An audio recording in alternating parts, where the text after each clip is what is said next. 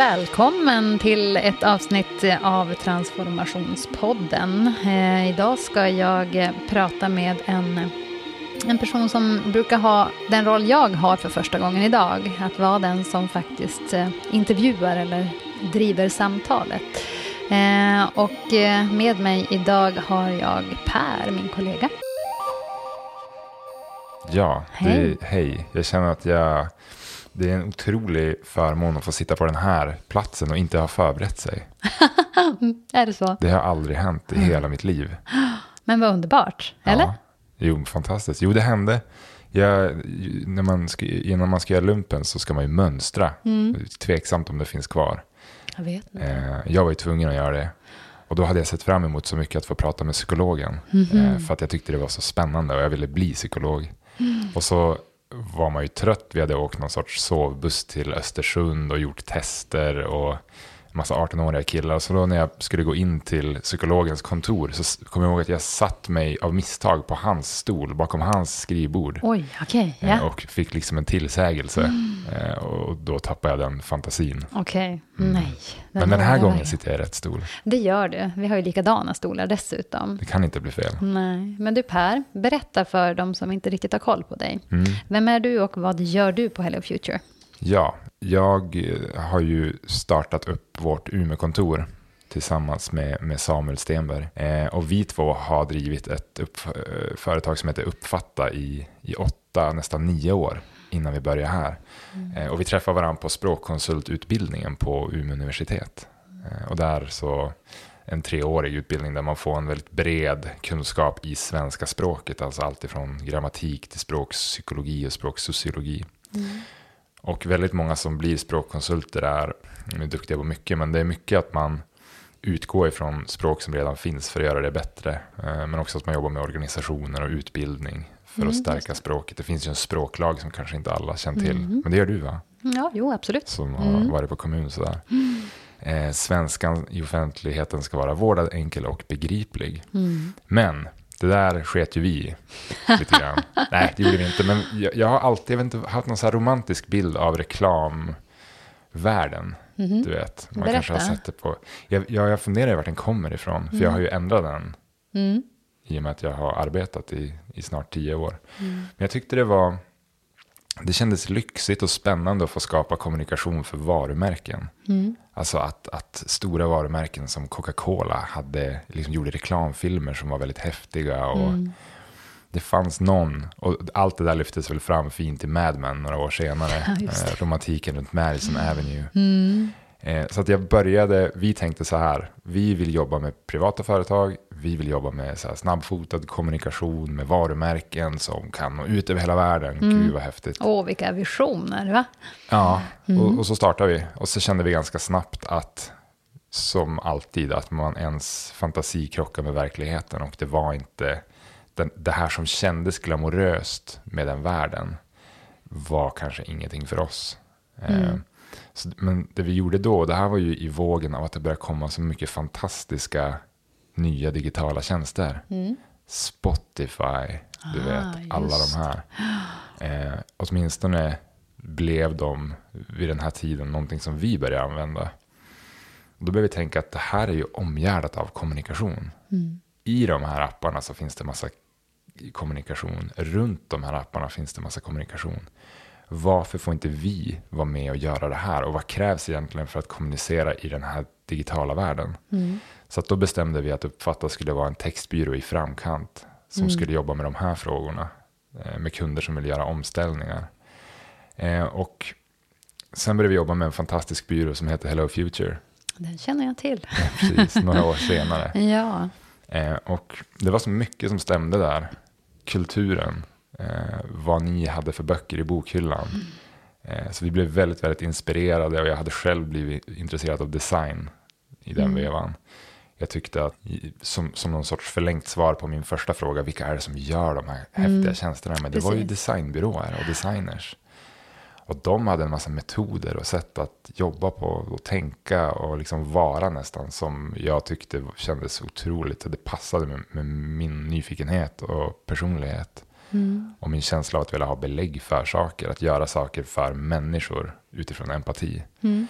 Ehm, så att när jag träffade er, Hello Future, det som har blivit oss nu, Mm. så var det, det var, det var lite för starkt för att kunna släppa det. Eh, så vi jobbade tillsammans ett tag och eh, efter, nu vet jag inte hur länge det var, något år bara, så dök det upp en möjlighet att få gå ihop och det kändes logiskt av jättemånga anledningar. Mm. Så nu jobbar jag här från Umeå på Hello Future och eh, jag får lära mig jättemycket om design och jag får fortsätta jobba med kommunikation som jag alltid har gjort. Mm. Både Ja, för oss själva men också för våra kunder. Mm. Vilken dröm, va? Ja, jag tänker på det ganska ofta om jag ska vara helt ärlig. Att det är otroligt för att jag har ju gått en väg som inte riktigt fanns och som ingen kanske tyckte var så smart från början. Eh, men det har ändå blivit något som, som jag tycker genuint det roligaste jag vet. Mm. Så det, det är jag tacksam över. Det är jättehärligt, eller hur? Ja, det är fint. Eh, och sen när du började hos oss så började du också spela in podcast. Mm. Mm. Och har ju suttit på den här sidan, eller i den här stolen så Exakt. att säga, i många avsnitt nu, eller hur? Eh, inte jättemånga kanske. Ja, det är men- en handfull i alla fall. Ja, vi har väl gjort eh, i, i liksom, nu när du och jag sitter och pratar här har vi ju släppt kanske 19 avsnitt. Mm. Och jag har väl varit med i, säg fem då. Mm, Fyra, det är fem. ganska många, eller Ja. hur? Mm. Men nu har vi gjort en liten omvändning. Nu sitter vi här med varsin kopp kaffe och, och jag har liksom placerat dig i gäststolen för Mm. jag är nyfiken på att, eh, att bolla lite tankar och eh, idéer kring kommunikation som du nu brinner för. Ja, Och där har vi ju en gemensam, ett gemensamt brinn egentligen, för jag är ju i grunden också kommunikationsstrateg.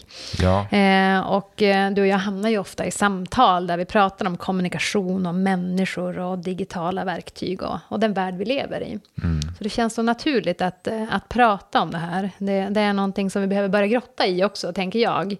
Lite mer, för det är ju väldigt, väldigt brett, så att jag tänker att vi skulle kunna spela in en hel serie nästan med jo, avsnitt. Eller Exakt. hur? Mm.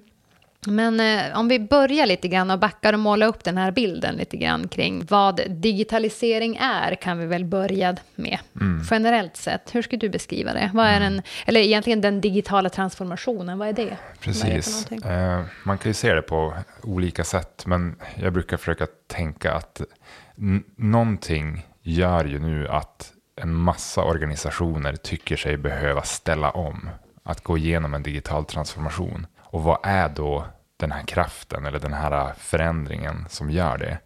Och det är ju den teknologiska utvecklingen. Alltså att vi är inne i en fas av vår civilisation. Det låter pompöst, men det är ju faktiskt så Mm, så är det.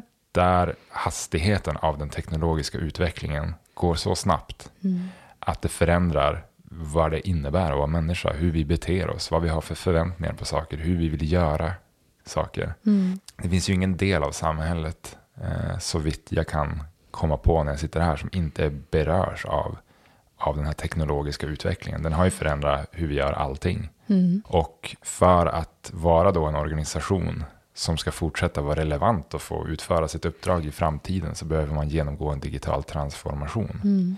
Och vad det då är, det är ju att göra en förflyttning eller en omställning av, av vem man är, vad man levererar för någonting, hur det skapar värde i människors liv, hur man möter nya typer av, av behov, hur man skapar en organisation som fortsätter att klara av att förstå vad som kommer och ställa om till det. För att det som är liksom kontrasten mot eh, digitalt omställda företag, det är de här som sitter fast mer i industriparadigmet. Mm, där det. det lönade sig att vara en, en tung, stabil organisation. Man behövde inte förändra sig så mycket. Det var viktigt att vara effektiv och vara bra på det man gjorde här och nu. Mm.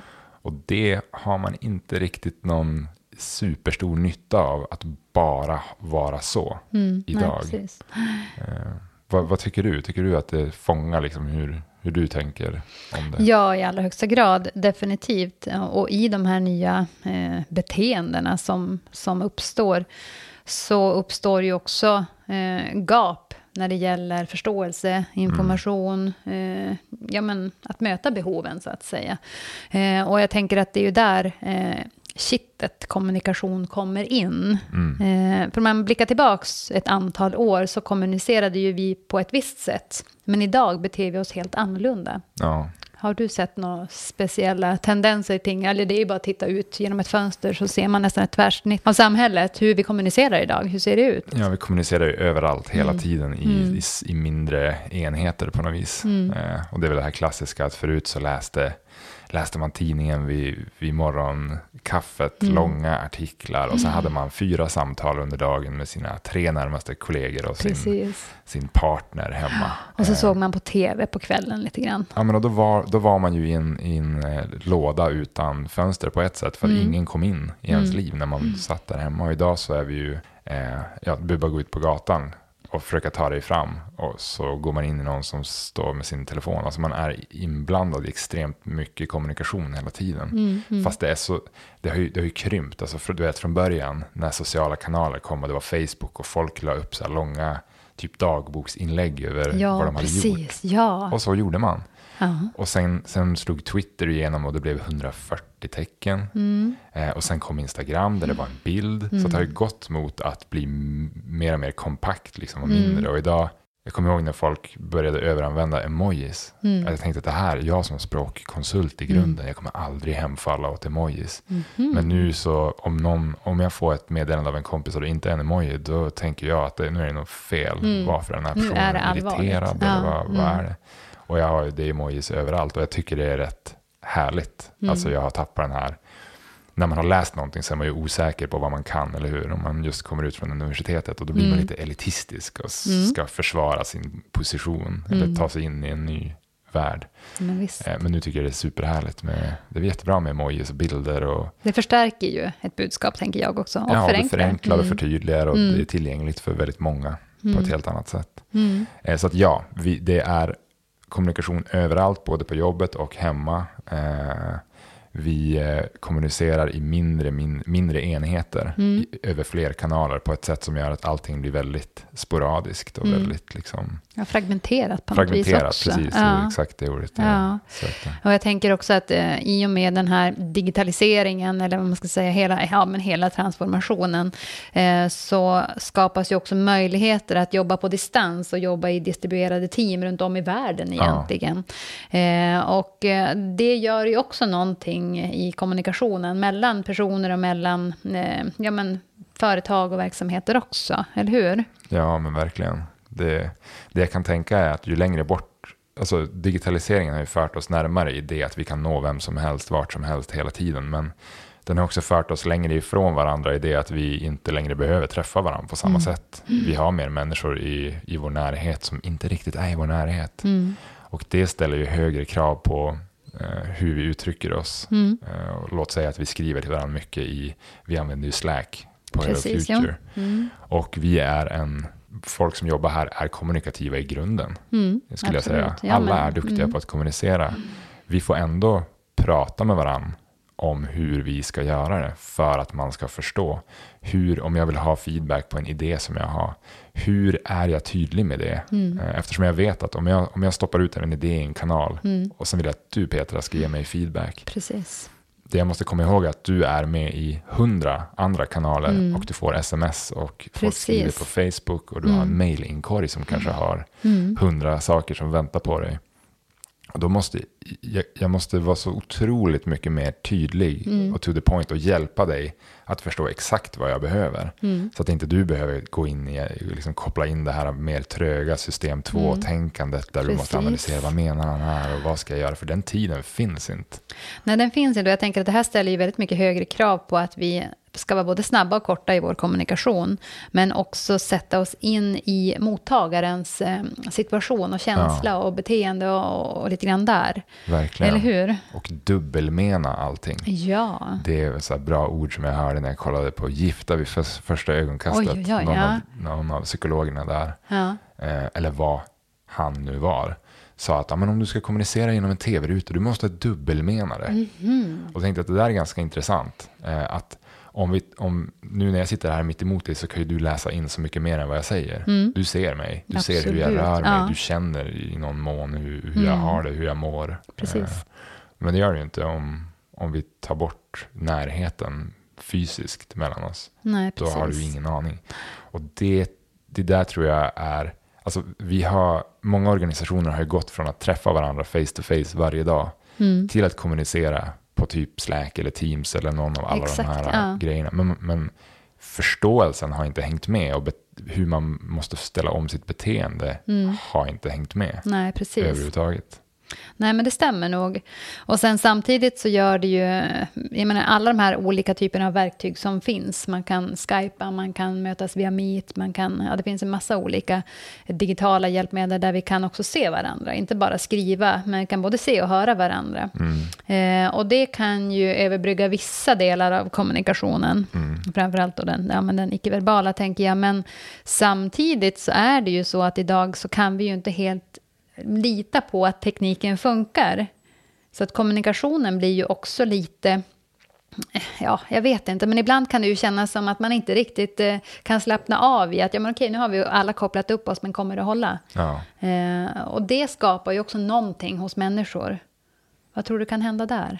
Har du några tankar kring det? Jag tänker att, ja men, du pratar om att det finns någon sorts otrygghet egentligen Mm. i den kommunikativa situationen. Eh, dels hör folk vad jag säger för jag får ingen feedback för att det laggar en sekund och jag ser inte om Precis. folk nickar till det jag säger.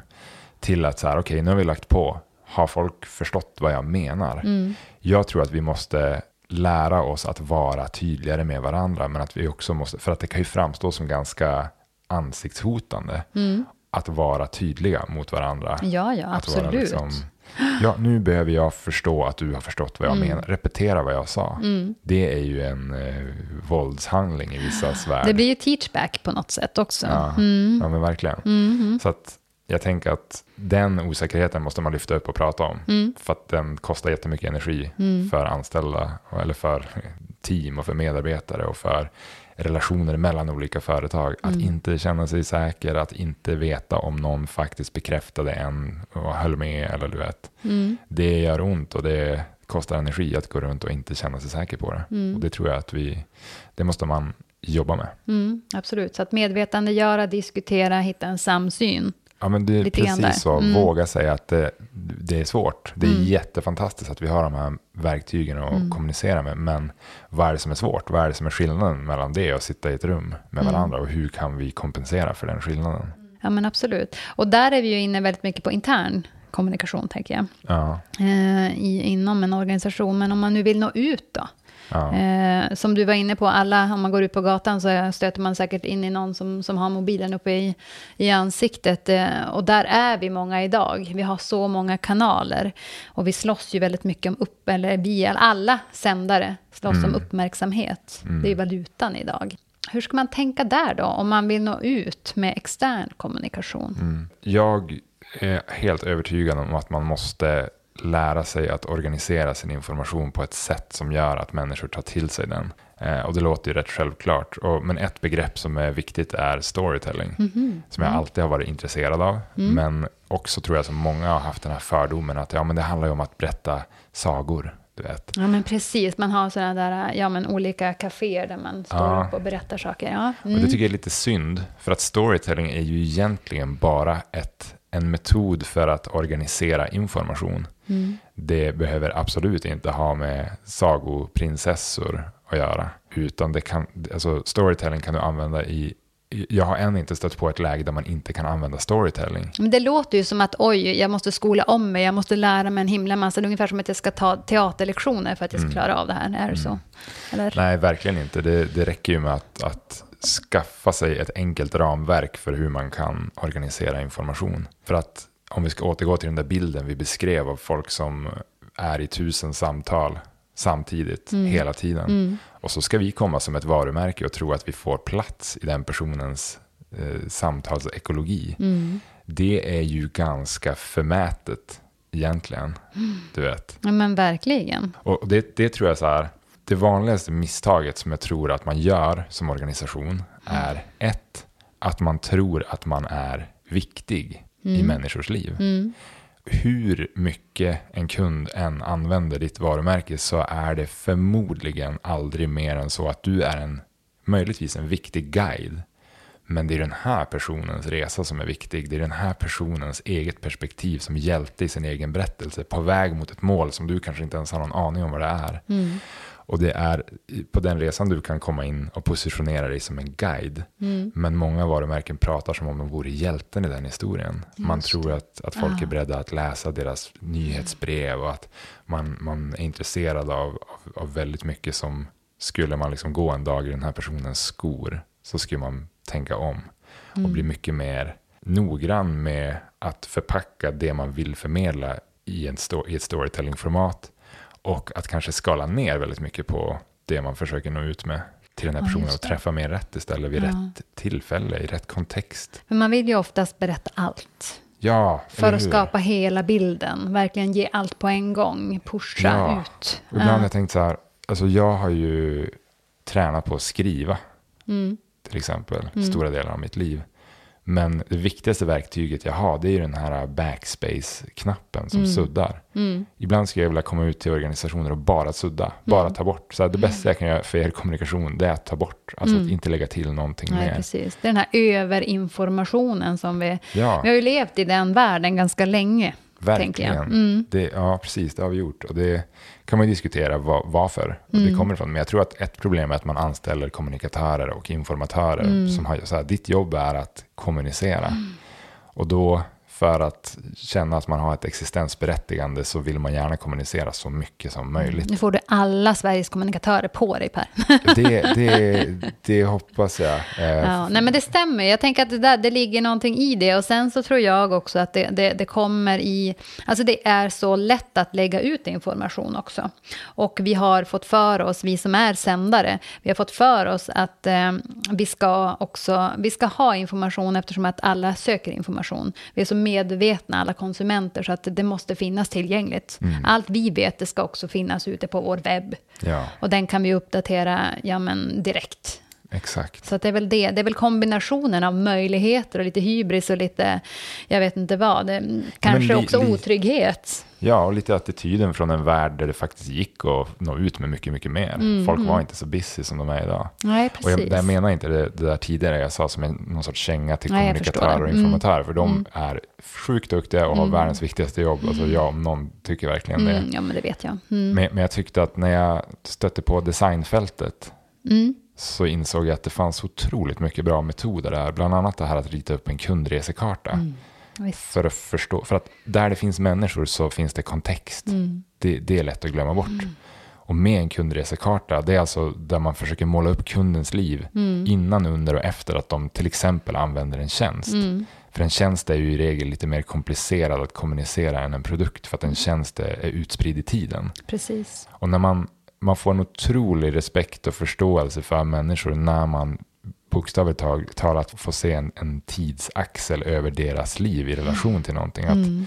Just det, man, man vaknar inte bara upp och är inne på en tjänst, utan man gjorde något dagen innan och kanske året innan och kanske för tio år sedan hände det någonting i ens liv Mm. som är relevant för hur vi bemöter den här personen just nu. Mm. Och har man då en, eh, en kundresekarta som man kan sätta upp på väggen och som hela teamet, hela organisationen kan titta på, Mm. bygga upp den empatin och förståelsen, då kommer också de här andra sakerna att falla på plats. Man kommer förstå att, men vänta nu, den här personen har större saker att bry sig om än att gå in och öppna våra elva nyhetsbrev i veckan. Det kommer inte funka, det kommer inte hjälpa den personen eller tillföra något värde.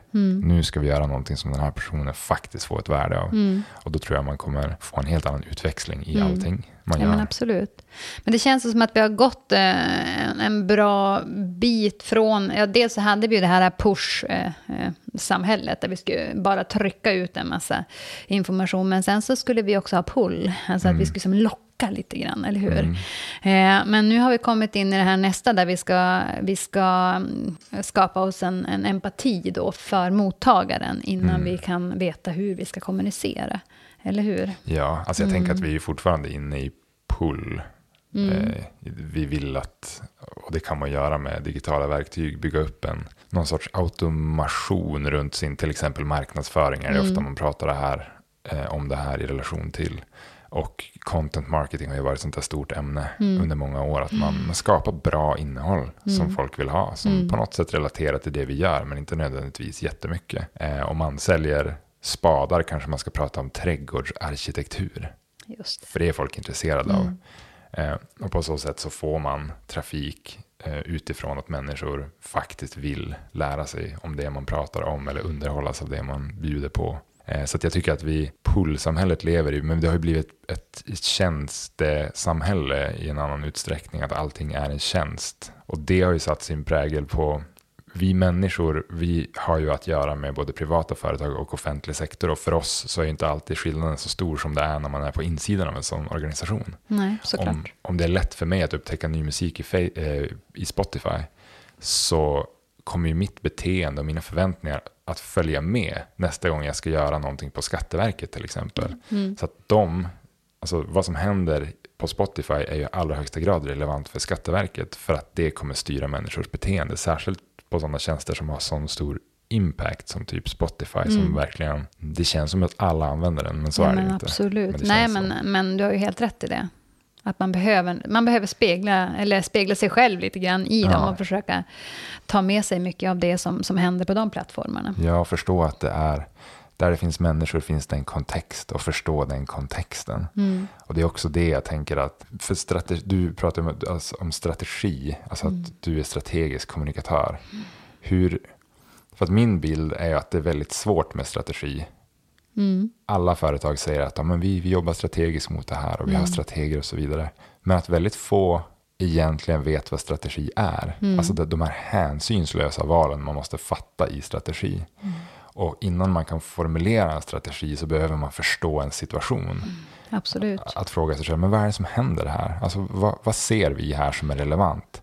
Och då tittar man på omvärlden, man tittar på sin marknad, man tittar på människor, man tittar på större trender och slänger upp allt det där på bordet. Och sen måste man börja ta bort, så här, men okej, vad av det här är relevant för oss? Mm.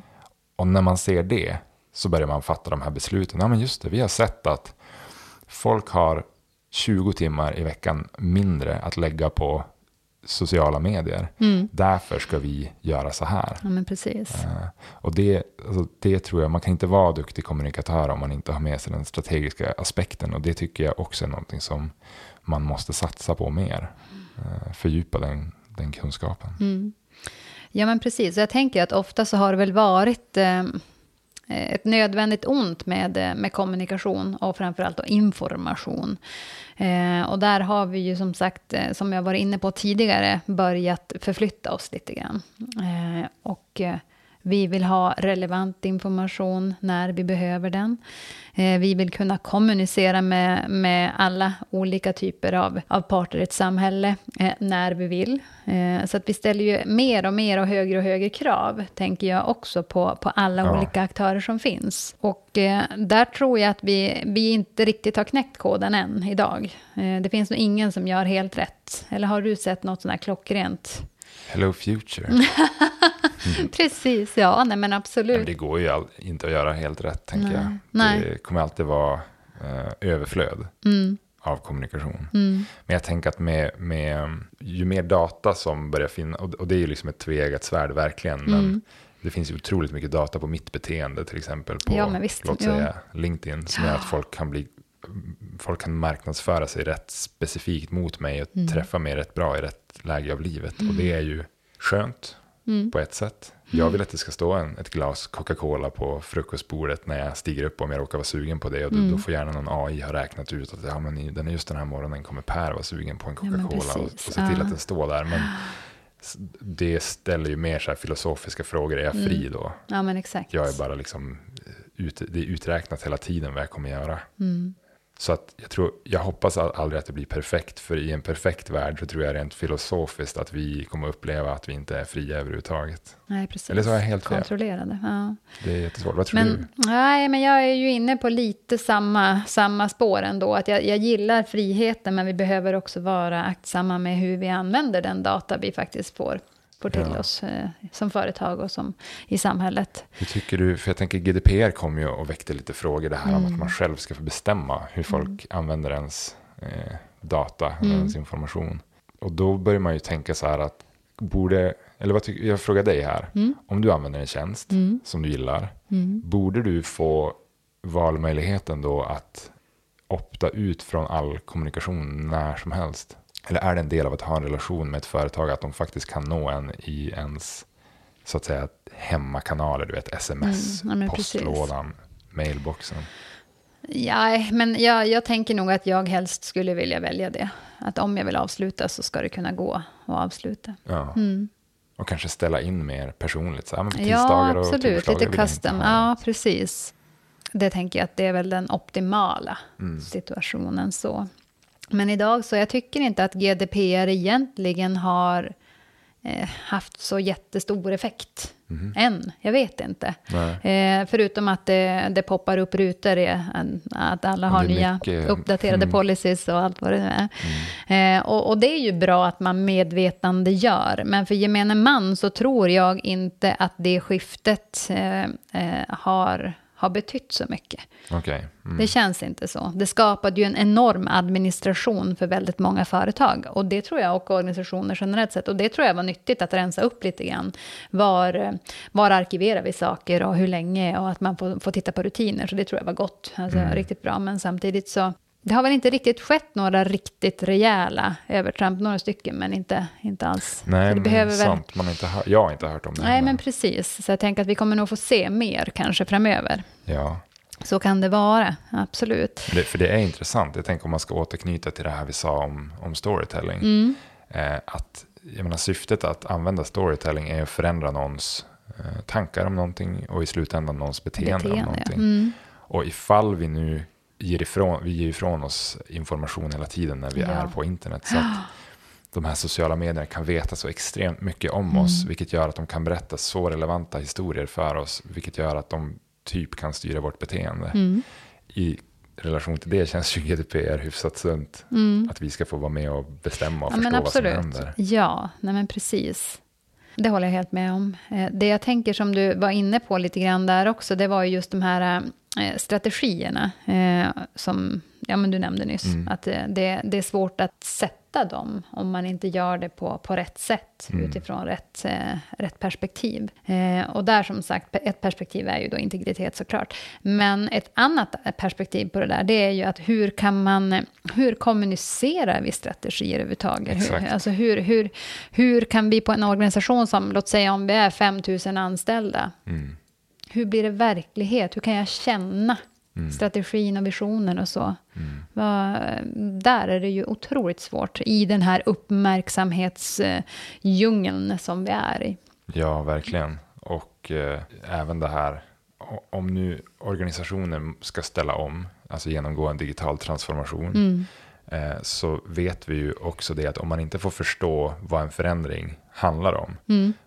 Då blir folk liksom pessimistiska. Oh ja, ordet förändring, det är ju negativt och man får nästan eksemutslag. Det börjar klia på kroppen Ja. för folk. Ja, absolut. För, och det tror jag beror, för att förändring är ju, jag menar det är en del av vårt DNA. Förändring är ju det som tar liv framåt. Mm. ja, men det är ju utveckling. Mm. Ja, men ändå så är det så jobbigt för så många för att förändringar ofta inte har varit relevant, alltså haft en positiv eh, konnotation för Mm. dem. Och att kanske framförallt att det har förmedlats eller kommunicerats på ett sånt sätt som har gjort det rörigt Mm. och oklart. Rörigt eller väldigt hierarkiskt, tänker jag, med hela handen. Vi ska göra så här och det är från Ja, och med men imorgon, exakt. inga frågor. Man tar bort Lite så. känslan av frihet för Ja, människor precis. Men hur kan man göra istället då, tänker du?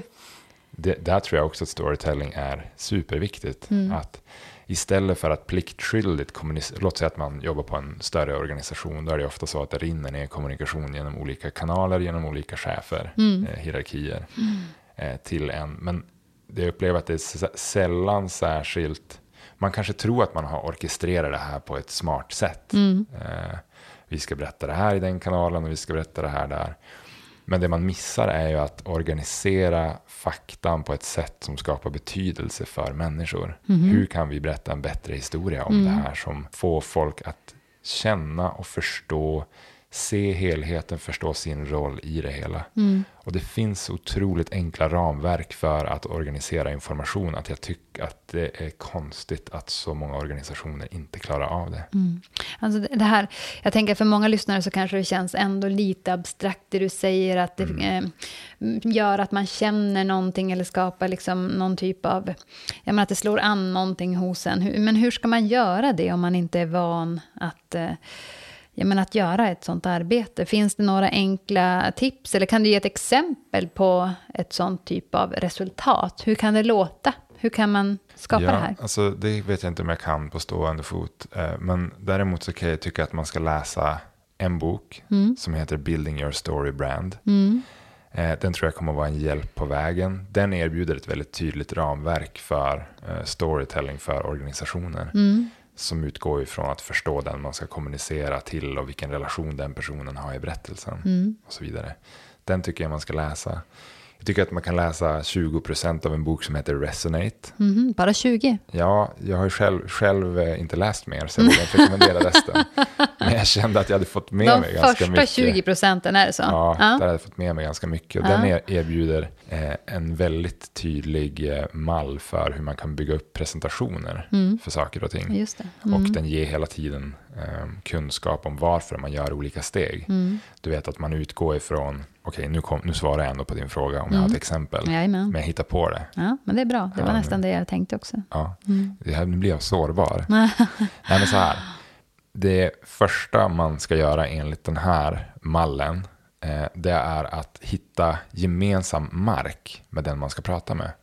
Man måste utgå ifrån vad som är här och nu och vad de håller med om. Så om jag till exempel, låt säga att jag har kommit på en, vi har pratat om Spotify här. Jag har kommit på en egen app för strömmande musik. För jag tycker att Spotify, det kan, jag kan slå dem. Det är ju en märklig tanke. Mm, ja, men Men jag kör på det. Ja, mm. Den här appen heter Parify. Jag skulle ju vara en av kunderna direkt. Ja men du hör, Ja, du ser. Ja men och då, då om jag ska sälja den till dig, då behöver jag börja någonstans där du känner att den här personen som pratar med mig nu, han förstår mig. Och han säger någonting som jag också håller med om. Och kan jag säga till dig så här, Petra, det är svårt att verkligen ta sig tid och lyssna på musik. Eller hur? Och då kände, då tänker du tillbaka, men gud, när man gick på gymnasiet och högstadiet, vad musik spelade roll för mig. och Ja, så vidare. oh ja, vad jag har CD-skivor alltså. Gud vad man har grejer. Men man Nej. lyssnar ju inte längre för man är Nej. vuxen och tråkig och man har Ja. ansvar och musik tar man bort från sitt liv. Visst.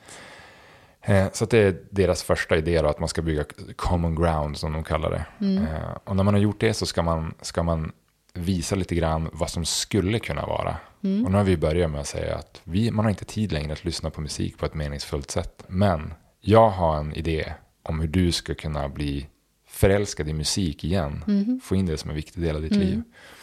Och då bygger jag upp ett storytelling-gap mellan Mm. det som är och det som skulle kunna vara. Precis. För att du ska känna, okej, men nu måste jag, nu, det här intresserar mig. Vad, nu, Nu vill jag lyssna. det blir en, eh, inom musik brukar man ju prata om tension release. Mm. Du vet, att man bygger upp någon, jag kan inte musikteori så här, men man Du bygger upp, låter väldigt be- bevandrad här. Tack. Ja. man bygger upp någon sorts ljud, gissar jag, Mm. som, eh, eh, där man vill, ha, man vill ha någonting som frigör en från den spänning som har byggts upp. Mm. Och så är det med berättande också. Man skapar gap som publiken vill att man ska överbrygga. Hur ska vi ta oss från det här till Mm. det där? ja. Så det är liksom början på en sån här storytelling-båge. Att man målar ut vad som är just nu och sen, sen hintar man lite grann om vad som komma skall som är någonting fantastiskt. Mm. Så att publiken vill se, men hur ska vi ta oss från nu till då? Ja. Eh, och, sen, och, då går man, och det här är början av en presentation. Mm. Och sen går man in i mitten av en presentation och då handlar det väldigt mycket om att skapa kontrast. För att det intresserar oss. Eh, saker och ting står ut. Och då kan man göra det på lite olika sätt. Dels genom att växla mellan det som är just nu och det som är sen. Mm. Man kan göra det genom att växla mellan att vara analytisk och emotionell. Mm. Att man presenterar fakta. Men sen att man kommer in och, och berättar en historia om den här faktan. Kanske från mitt eget liv i det här Mm. fallet. Som Så det gör att du känner så, gud men det här, det här var mänskligt. Mm. Och sen går man tillbaka och pratar om ännu mer. Ja, forskningen säger att musik, det har större effekter på hjärnan än träning kanske. Nu hittar jag på här. Ja. Mm. Och så jobbar man med kontraster på det sättet. Kontraster, kontraster mellan det som är nytt och det som är familjärt. Kontraster mellan analytiskt och emotionellt. Kontraster i hur du presenterar kan det vara också. Att du inte bara står med en keynote utan att du ibland ritar på en tavla eller kanske spelar ett stycke på ett piano för att, inte vet jag, skapa kontrast. Och sen när man kommer till slutet av presentationen så behöver man sluta på ett högre plan än vad man börjar på. att zooma ut ännu mer och prata om vad kommer det här få för konsekvenser i ditt liv i det här Mm. fallet. Mm. Eh, Du kanske kan bli en bättre förälder Mm. som har mer plats för kärlek. Ja, men precis. Och d- du känner igen säkert det här narrativet från Mm. varumärken som är duktiga på att kommunicera. Att Ja, de men tar en på en sån här resa. Mm. Men jag tror att vi måste bli duktigare på att våga göra det här även internt. Och det behöver inte handla om att vara storslagen, pompös, emotionell eller kladdig. Utan det, det handlar om att, att kommunicera på ett sätt som fungerar med hur våra hjärnor vill ta emot kommunikation. Mm. För det har ju drivit våra kulturer framåt i så många tusentals år. Mm. Eh, Det, det finns i oss att lyssna på historier. Mm. Det finns inte på samma sätt i oss att lyssna på osammanhängande fakta, även om den faktan är helt rätt Nej, och precis. framforskad. Mm. Mm. Ja, det är ju jättespännande.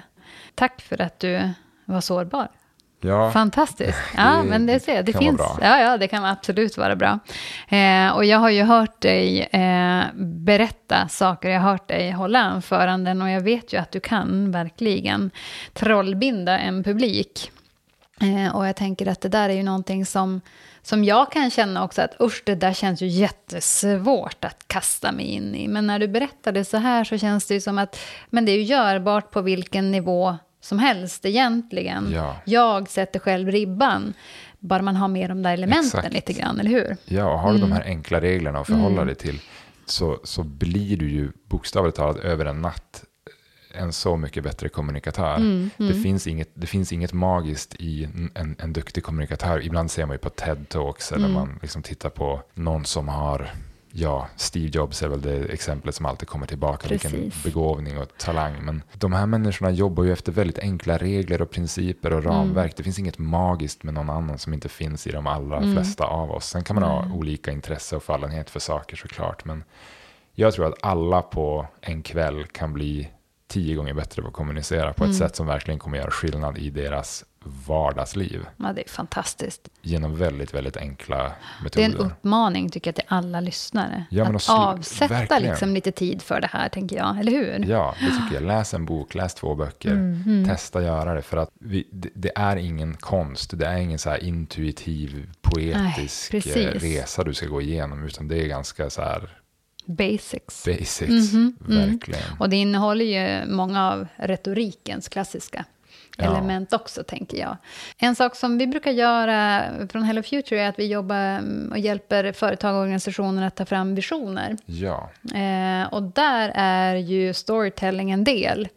Ja. Eh, och då i form av det visuella. precis. Eller hur? Ja. Hur ser du på det? Berätta lite. Det, jag har ju aldrig själv varit med i en sån, i ett sånt arbete än så länge Mm. på Hello Future. Men det var en av de sakerna som gjorde att jag tyckte att det kändes intressant eh, Mm. att jag menar, lära mig mer om, om, för Hello Future är ju metodstarka. Mm, Så är det. Ja.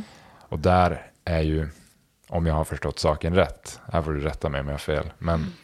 att, att göra en vis- visionsworkshop är ju någon sorts första steg kan det ofta vara i en förändring. Mm. Eh, utifrån det här att det är väldigt svårt att göra en förändring om man inte förstår vad den innebär, vart man är på väg. Precis, vart man vill. Vad är målbilden? Liksom, Exakt, så nuläget? då finns det ju det finns lite olika sätt att göra en sån här visionsworkshop på, men kontentan är väl att man i slutet ska kunna enas runt en bild av vad framtiden skulle kunna vara. Mm. Så att man skapar en, en riktning och en kraft åt det hållet, att man har sett att, men vänta nu, Mm.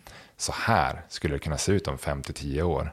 Och det är ju alltid såklart en, en, en positiv förändring Mm. som folk kan titta på. Och det är det som är så fint med, alltså jag har ju spenderat mitt liv med ord, Mm. men jag älskar bilder. Mm. För att man ser mycket mer samma bild än vad man ser samma saker i en Mm. text. Precis, och det är ju det vi har lärt oss utifrån det arbete vi har gjort. Och det är därför vi landar i just en, en visuell Ja. eh, visionsbild. Men sen också kompletterar såklart med, med ord. Ja. Eh, men det visuella är starkt. Det är jättehäftigt och du har säkert också läst, eh, och det, det tror jag är ganska vanligt på organisationer, att man har visionsdokument och man Mhm. har, där det är text och man läser det och det är väldigt lätt att falla in i det här självklara Mm. Snacket om vart man är på väg och det är utveckling och det är effektivitet. Ja, ja, ja. Det är och jättefluffigt och ibland är det flera sidor långt visionsdokument och ibland är det som en slogan mera. Så att det kan, och det lämnar så mycket utrymme för egen, egen tolkning, alltså Ja. individuell tolkning. Och det gör inte en bild på samma sätt. Nej. Och det är det vi har sett framgången i. Ja, då. och det är Mm. ju så häftigt att se. Eh, Nu har jag som sagt inte varit med, men jag har ju sett hur konkret det är. ja. Mm. Och att det är en sån liten liksom story som förändrar allting. Det kan vara att man, man, gör en, eh, man har en tjänst, men man får se den från ett, ett annat håll Mm. om fem år. Hur det skulle kunna vara, som förändrar den berättelse man har om sig själv. Mm. Och hela ens bild av vad det är man håller på med. Och jag tror att det kan vara en av de så här häftigaste aha-upplevelserna man kan Ja. ha som företag. Wow, det där skulle kunna vara vi. Mm. Nu ser vi till att det blir så. Och då är inte förändringen jobbig.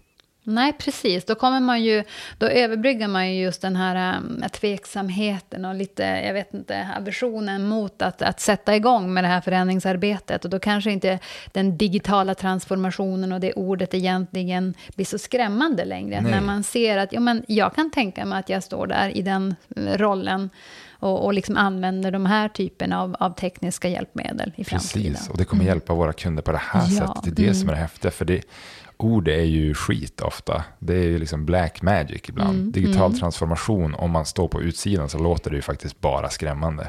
Ja, precis. Det låter ju som... eh, Teknokratiskt Ja. och stelt och svårt. Och Det är ju krävs- som att det är i någon slags eh, Transformers-film också. Ja, Decepticonerna kommer. precis. Och det, det, det är det där som gör, tror jag, att det, ska vi jobba på själva också. Mm. Det försöker vi göra med vår podd och i det här samtalet. Att man försöker förmänskliga saker, Mm. prata om det på ett begripligt sätt, erbjuda flera vägar in till ett ämne. Så Mm. jag är, nu kanske inte ni andra håller med mig, men jag är den första att erkänna att många av de ord som vi använder är jag ska inte säga att de är onödiga, för att fackspråk behövs ju för att kunna prata specificerat om Mm, saker. absolut. Mm. Eh, Och man kan tappa en domän om man inte vågar göra det. Vi har ju gjort det till engelskan. Många domäner är precis. bara engelska Ja. ord, för vi har inga på svenska. Och det är inget bra. Men däremot så tror jag att man måste vara lite försiktig för att inte hamna i jargong. Ja, visst. Där man använder onödiga ord bara för att markera att vi är en grupp och vi kan saker. Mm, Det är där vi, även vi måste titta på så här, vad, vilka ord behöver vi använda och hur ska vi prata om dem och vilka ord kanske vi inte behöver använda för att tillgängliggöra. Mm. Ja, men precis. Och jag tänker om man då använder det du, du vurmar för också, storytelling. Så då behöver man ju också sätta sig in i den här, alltså skapa den här gemensamma basen. Exakt. Och eh, språket är ju en del av det, tänker jag. Ja, jag tror att det faller mer på plats för att om du, om du läser den här Building a Story Brand Mm. Så en av deviserna där är att du, och det här har jag varit inne på också i samtalet, att du är inte hjälten i berättelsen Mm. Nej, utan det är din precis. kund. Ja. Och kan du, se, kan du se det från det, det hållet så kommer du också ganska snabbt och intuitivt att känna, tror jag, vilket språk som lämpar sig. Mm. Precis. Och jag tänker att det där är så, jag blir så glad att vi landar i det eh, resonemanget, och det, eller egentligen det konstaterandet. Eh, för min devis och mitt mantra under alla år som jag har jobbat med kommunikation har ju varit att det sker alltid på mottagar, mottagarens villkor. Ja. Alltid, alltid, alltid. Och i vissa sammanhang har jag blivit utskrattad för att jag har sagt det. Har du? Ja, ja, absolut. Wow. Eh, men det är ju av de som inte riktigt är med på vad kommunikation handlar om. Ja, Så är det ju. Men ju mer vi verkar, lever och andas och är i en digital era, desto mer börjar ju faktiskt också alla förstå att det är så. För att vi behöver uppmärksamheten. Alltså måste vi kommunicera på mottagarens villkor. ja. Så att det blir mer och mer tydligt idag. Gud, jag tänker att vi har ju tacka många av de här duktiga mjukvaruföretagen Mm. som har skapat fantastiska tjänster som har förändrat allt i hur vi reser till hur vi tar del Mm. Ja. Mm. av strömmande underhållning. De har gjort det och de ser fantastiskt bra ut och Mm. de kommunicerar på ett enkelt, mänskligt, varmt sätt och de har liksom ritat om kartan för vad det innebär att vara ett företag. Mm, Eh, absolut. Så att, Om man då tittar på, för nu pratar vi, många gånger så pratar vi företag och varumärken och sånt. Eh, och eh, som offentlig sektor, alltså att vara verksam inom offentlig sektor, så är det ju precis samma sak. Det är samma regler, Gud, eller hur? Ja. Eh, men jag tycker att eh, hittills, nu börjar det ju ske en förändring, men Ja. hittills annars så har det ju varit så att det är två helt vilda, vitt skilda världar. Man ska använda olika språk beroende på i vilket sammanhang man verkar i. ja, Eh, men idag börjar det där bli som en gråzon lite grann, eller hur? ja, jo men jag Håller håller med. med? Mm. Verkligen. Det är den här som vi har kallat någon gång för Netflix-koefficienten, att Mm. man tar med sig för, förväntningar från, från en domän av sitt liv till, Mm. till en helt annan, vilket gör att som organisation så du kan inte liksom stoppa in dig i facket offentlig Mm. om Nej, du ska precis. göra en bra tjänst som folk vill an- använda. Det är Nej. samma hjärnor du ska påverka Mm. som privata företag. Sen finns det ju jättemånga fler utmaningar tycker jag för, eller det finns olika utmaningar, men, men är du en offentlig verksamhet så har du ju ett demokratiskt perspektiv Mm. på saker och ting också. Att du, du ska faktiskt kunna, kunna serva en bred medborgargrupp med olika förutsättningar att Mm. ta del av din kommunikation. Är du ett privat företag så kan du göra det, du kan ju skita i vilket. Mm. Du gör ju som du vill, Mm. eh, om man ska vara krass. Eh, och du gör det på ett sätt som maximerar dina chanser att faktiskt skapa omsättning, tjäna pengar i slutet av dagen. Mm. Mm. Eh, så det, det är en skillnad, men jag tycker det är otroligt sunt att offentlig verksamhet har börjat ta in kompetens, man anställer kompetens, man vågar jobba med tjänstedesignmetodik. Vi är inblandade i många sådana projekt och Mm. Du, du har varit mer än jag. Vad tycker du själv om liksom, attityden och förhållningssättet till ja, men, till exempel tjänstedesign? Den har ju förändrats radikalt tycker jag. Ja. Absolut. Eh, och till det positiva. Vi börjar allt mer eh, förstå vikten av att eh, ringa in behovet Mm. före vi hittar på lösningar. Ja. Eh, och det där har ju spridit sig som en löpeld tycker jag. Även fast de som har varit verksamma länge eh, inom området tjänstedesign, de tycker att men vi har ju tragglat det här i decennier. Just det. har gått långsamt. Men jag som har jobbat inom offentlig sektor till exempel och även i privat, eh, som inte liksom explicit har jobbat med just den typen av metodik. Eh, jag ser ju en skillnad bara på ett par år. Att det har blivit, Okej, det är wow. ju, ja, jag tycker det. Eh, nu är det bara ur mitt snäva perspektiv. Mm. Eh, men eh, absolut, jättestor skillnad. Och det ser man ju också i och med att det börjar komma ja, men upphandlingar, Ja, ramavtal exakt. eh, på, på just service design och så. Precis, man har lärt sig att fråga efter, efter det här. Mm, ja, men precis. Eh, om vi skulle försöka ringa in lite grann. Nu har ju du repeterat lite grann vad det är, eller sammanfattat vad du tycker är, är bra att, eh, eller du har sett bra tecken på hur man börjar förändra sig generellt sett eh, kring offentlig sektor och kommunikation. Men om vi tittar på kommunikationens roll i den digitala transformationen. Mm. Eh, vad skulle du se, om du fick önska liksom, two wishes and a star. Eh, två saker som du önskar skulle kunna hända ganska snart sådär och så sen sådär en riktigt, en pärla, en stjärna, Oj. en eh, framtidsvision som du har. ja, och då tänker du alltså kommunikation för offentlig sektor Ja, i, Mm. runt digital transformation. Eh, Precis, vad, vad, är, vad är liksom dina två mm. önskningar? Jag skulle vilja se jättemycket mer intern storytelling. Mm. Det är en. Ja. Att man verkligen bygger upp en förståelse för hur viktigt det är att inom sin organisation, alltså de historier man berättar för sig själv, för varandra, Mm. för de, de avgör vilken kultur vi får, vilken attityd vi får och vilket beteende vi får. Och det sitter liksom i kärnan av att klara av en sån här förändring. Mm. Så det är en sak. Mm. Och sen den andra då, det skulle ju vara samma sak fast externt. Mm. Eh, att att våga berätta historier om den här förändringen utåt också.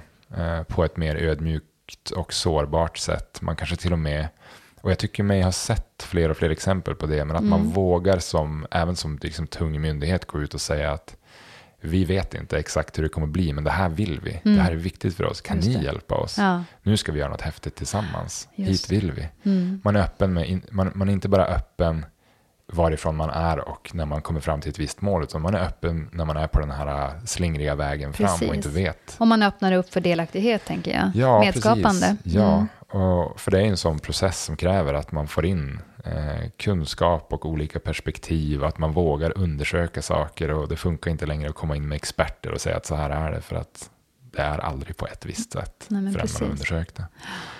Och min, vad sa du, guld? star, ja men precis det som Stjärna. är sådär ännu lite längre bort, nästan inte uppnåeligt men ändå en Just skatt. det. Gud, ja, det här, nu sätter du mig på pottkanten här. Det var inte meningen. Nej. Jag tänker att det, det är mer sådär, finns det någonting som skulle kunna revolutionera kommunikationen? Ja, Alltså, hur skulle det se ut då? precis. Jag, jag tror väl att... Alltså jag har alltid drömt som kommunikativ... Alltså jag jobbar ju ändå med kommunikation. Absolut. Men jag har känt mig identitetslös. Mm. Eh, och jag har alltid tyckt att konversationen inom design-communityn Mm. är så jävla konstruktiv Mm. och bra och Mm. öppen. Mm. Så jag, jag drömmer ju lite, och nu kanske jag är den enda som står utanför, det kanske finns, men du vet, jag drömmer om att kommunikatörer ska ha en lika konstruktiv eh, diskussion. Mm. Just det. Eh, konversation där vi liksom byter kunskap och metoder och skaffar oss en identitet som gynnar oss i den Ja, här det. svårkommunicerade Ja. och föränderliga världen. Det hade väl varit Ah, häftigt. Ja, men det hade ju varit mm, fantastiskt. Eh, det jag tänker där, det är ju att eh, det är ju först nu på senare år som också kommunikatörer och informatörer har fått liksom en, en rättfärdig eh, ja, men etikett eller en epitet. Ja. Det har ju oftast varit så här, men du är administratör, ja, från och med imorgon så är du informatör hos oss. Lite grann så när man gör organisationsförändringar och Du så kan vidare. väl skriva? Ja, Alla precis. kan väl skriva? Mm. Du fyller ju i lite grejer där. Men idag så har vi ju nått så mycket längre där, så jag tänker att det kanske inte är så långt bort, din stjärna. Nej, det Mm. kanske inte är det. Det är kanske jag som får... Jag ska föreläsa faktiskt för eh, Sveriges kommunikatörer. Om inte allt för länge. Då Mm. Har jag, har jag ju en chans att se vad, vad, vart pratar de Ja, men exakt. Om inte annat så kanske du kan lägga grunden för det här communityt. Ja, alltså, det finns alltid ett community. Det är bara det att man inte alltid. Man har inte konversationen. Nej.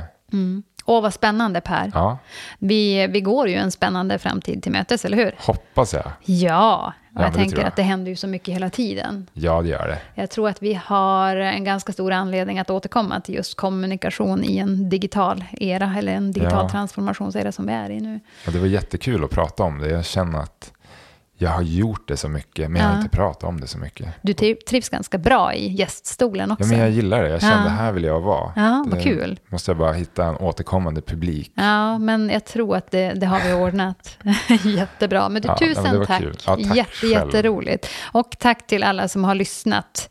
Eh, vi finns ju som sagt på eh, Transformationspodden. Eh, men sen har vi också en mejladress, eller hur Per? Det här kan ju du nästan bättre än vad jag kan. Ja, precis. Man kan ju, man kan ju gå på transformationspodden.se då, Mm. om man vill titta på vilka avsnitt som finns. Precis. Eh, sen så kan man mejla. Jag tycker att man ska mejla till petra.hellofuture.se. När det gäller det här, ja men absolut. Man kan mejla till Mm. mig, per, at hellofuture.se. Ja, Sen har vi en webb där man kan, alltså tycker, om det här på något sätt hugger tag i en, så, så finns det mycket kunskap på vår webb. Mm. Eh, på nyhetsfliken så Mm. finns det mycket artiklar, mycket kunskap, mycket berättelser om vad vi har gjort med kunder och sådär. ja men Så ett precis. jättebra ställe att börja på. Mm. Men hör gärna av er. Mm, Det är ju absolut. det roligaste. Jättekul. Tack för idag. Tack så mycket.